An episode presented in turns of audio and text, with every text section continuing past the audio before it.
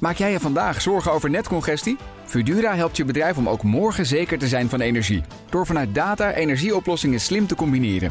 Zo installeren we bijvoorbeeld een batterij om je extra opgewekte zonne-energie niet verloren te laten gaan. Kun jij onbezorgd verder met vandaag?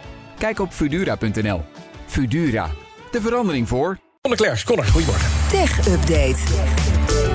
Goedemorgen, Bas. Gelukkig zitten we gewoon in Amsterdam hè. en is het allemaal ze hebben nuchter. Het is hier ook een keer... Uh, Ook tropisch hier. Ja, lekker tropisch weer, Absoluut, ja. ja. ja. Doe het muziekje nog even. Nee, nee, laat maar. Er is veel te veel verkeer voor eh, Curaçao hier. De Federal Trade Commission heeft een nieuwe topvrouw... en daar zal Big Tech niet heel blij van worden. Want wie is het? Het is eh, Lina Kaan. Eh, zij komt aan het hoofd te staan eh, van de FTC. En dat is bekendgemaakt maar eigenlijk een paar uur nadat ze door de Senaat werd goedgekeurd als algemeen bestuurslid van de Handelswaakhond. nu al meteen gebombardeerd tot de topvrouw volgens Amerikaanse media. Ze is het jongste lid van het bestuur van de FTC, dus ook de jongste chair van de FTC. Ze is 32 en dat vind ik een beetje confronterend. Word je toch een beetje gedwongen om mijn levenskeuzes te heroverwegen. Maar ehm, ze werd als student eigenlijk al bekend eh, toen ze een rapport schreef eh, over het monopolie van Amazon voor de Yale Law Journal. En daarin stelde ze eigenlijk dat de traditionele kijk in Amerika op eh, mededinging veel te veel gericht was op prijzen voor consumenten. En dat dat eigenlijk helemaal niet geschikt was voor de nieuwe vormen van monopolies die op internet kunnen ontstaan.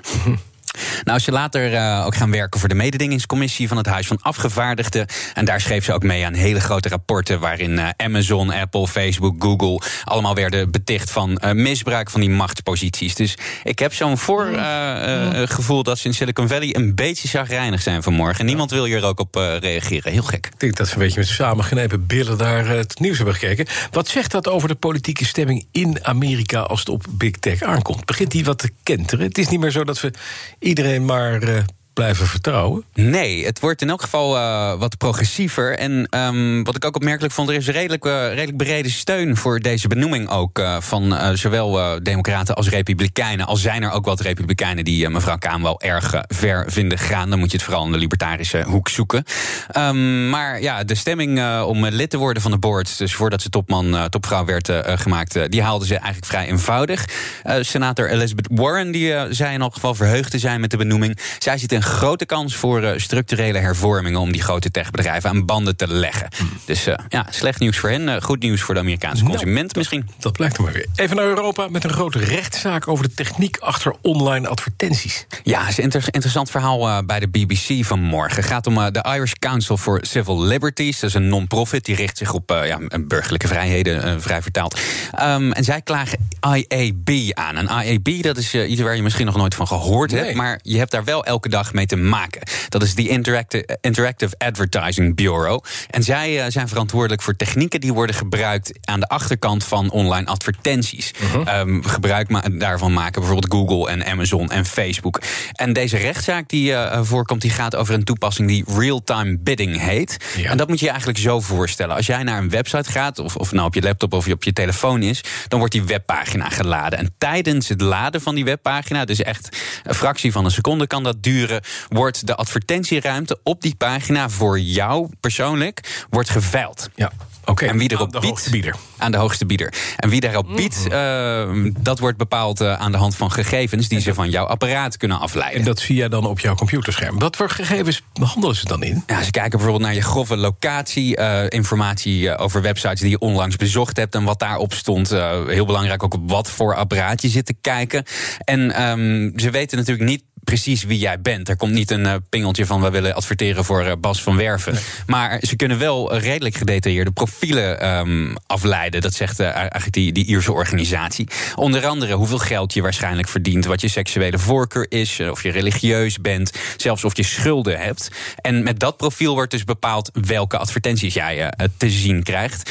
Ook al staat je naam er niet bij, vindt die Irish Council for Civil Liberties dat er veel te veel data is die nu onzichtbaar eigenlijk wordt uitgewisseld. Ja. Daarom spannen ze nu een rechtszaak aan. Die gaat in Hamburg dienen. Ze stellen eigenlijk niemand geeft hier actief eh, goedkeuring eh, aan. Dus in hun woorden is het eh, het grootste of een van de grootste datalekken ooit. Dat vind ik een beetje spinnerig, maar het, het, het- er zit misschien wel een, een, punt achter. Een soortgelijke klacht van dezelfde organisatie, ook op gronden van de AVG, die loopt nu al drie jaar.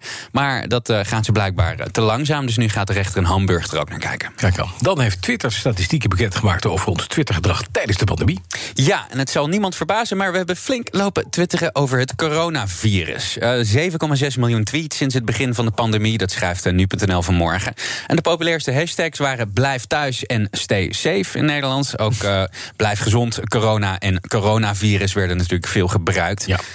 Ook niet alleen maar positieve tweetjes. Er werd natuurlijk gigantisch veel desinformatie rondgepompt. Wereldwijd zijn volgens Twitter sinds de uitbraak van het coronavirus 11,5 miljoen accounts gerapporteerd uh, uh, voor spam. Of uh, vanwege wat zij ja. noemen manipulatief gedrag rondom de pandemie. Waren allemaal mensen die niets beters te doen hadden. Waarschijnlijk. Ja, die zaten allemaal thuis. Ja, precies. Dankjewel, Conor Klerks. De BNR Tech Update wordt mede mogelijk gemaakt door Lenk. Maak jij je vandaag zorgen over netcongestie? Fudura helpt je bedrijf om ook morgen zeker te zijn van energie. Door vanuit data energieoplossingen slim te combineren. Zo installeren we bijvoorbeeld een batterij om je extra opgewekte zonne-energie niet verloren te laten gaan. Kun jij onbezorgd verder met vandaag? Kijk op Fudura.nl.